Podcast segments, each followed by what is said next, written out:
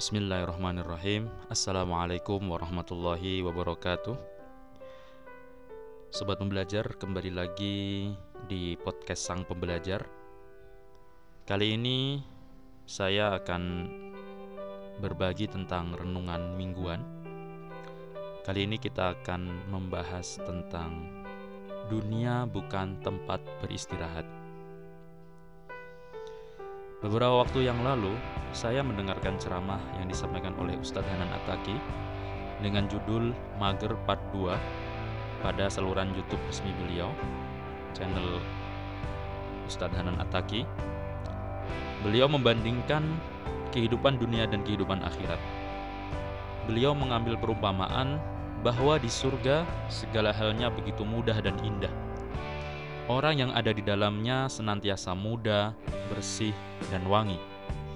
Bila kita membutuhkan makanan dan minuman, keduanya akan mendatanginya. Tak ada lagi perkataan sia-sia yang ada di dalamnya.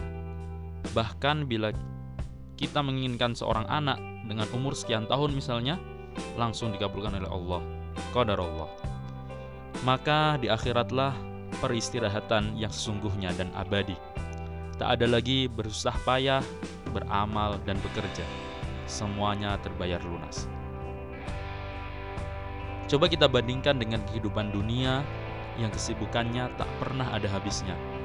Selesai menyelesaikan satu masalah, akan datang masalah lain yang harus diselesaikan.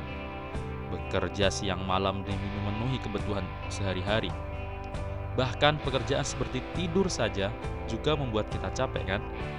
Coba bayangkan ketika kita misalkan harus duduk di kursi pesawat selama 9 jam Tentu kita sudah gatal untuk sejenak berdiri dan tidak duduk terus-menerus. Kebosanan memang senantiasa menghidap, menghinggapi kehidupan dunia. Atau coba lagi kita bayangkan kita memesan ojek daring dari rumah kita menuju kantor yang hanya membutuhkan waktu sekitar 15 sampai 30 menit.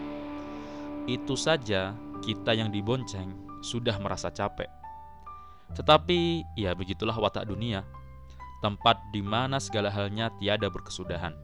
Tempatnya bercocok tanam, bukan tempat memanen hasil. Maka salah satu cara yang ampuh untuk memulihkan semangat adalah dengan mengingat kematian. Cukuplah kematian sebagai pemberi peringatan. Maka sebagai muslim, kita sangat dianjurkan untuk mengambil hikmah sebanyak-banyaknya dari kematian.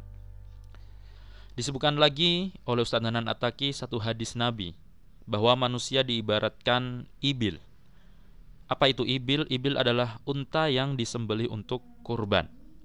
Unta jenis ibil ini siklus kehidupannya hanya makan, tidur, berketurunan, lalu disembelih. Berbeda lagi dengan unta dengan nama rohilah. Unta jenis rohilah adalah unta yang memiliki tugas membawa beban berat biasanya dibawa oleh para pedagang. Ya, pedagang mengendarai rohilah ini untuk berdagang dari satu tempat ke tempat yang lain.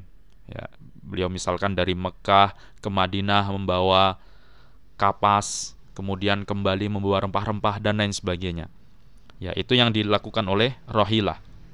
Maka tentu saja rohilah ini memiliki kekuatan yang lebih besar daripada unta jenis yang pertama atau ibil dan jumlahnya pun sangat terbatas berbeda dengan ibil yang lebih banyak. Begitu halnya dengan manusia. Manusia jenis pekerja keras yang mau menanggung banyak tanggung jawab besar, itu juga tak banyak jumlahnya. Kan bila dibandingkan mereka yang kerjanya hanya duduk-duduk, menikmati hidup, enjoying life, menjalani seperti mengikuti arus air mengalir, itu jumlahnya sangat banyak sekali. Dari sini tentunya kita harus mulai sadar bahwa selama ini apa sih sesungguhnya tujuan kita melakukan segala halnya di dunia ini? Apakah hanya demi kehidupan dunia semata yang fana ini, yang sebentar ini, atau segala halnya kita orientasikan kepada alam keabadian atau akhirat? Silahkan dijawab masing-masing di dalam hati.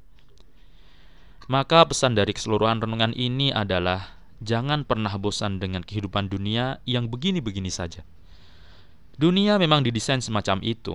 Dunia itu menjadi ujian bagi seorang muslim. Sejauh mana muslim itu mampu mengambil pelajaran berharga dari setiap problematika yang terjadi di setiap fase kehidupan. Peristirahatan hakiki adalah akhirat, terlebih surga. Segala kenikmatan hakiki ada di sana. Tak ada lagi usia tua, wajah keriput, kemiskinan, dan segala macam kesengsaraan dunia. Segala halnya tampak indah seperti yang kita bayangkan. Demikian renungan mingguan yang bisa saya sampaikan. Sampai jumpa di podcast selanjutnya.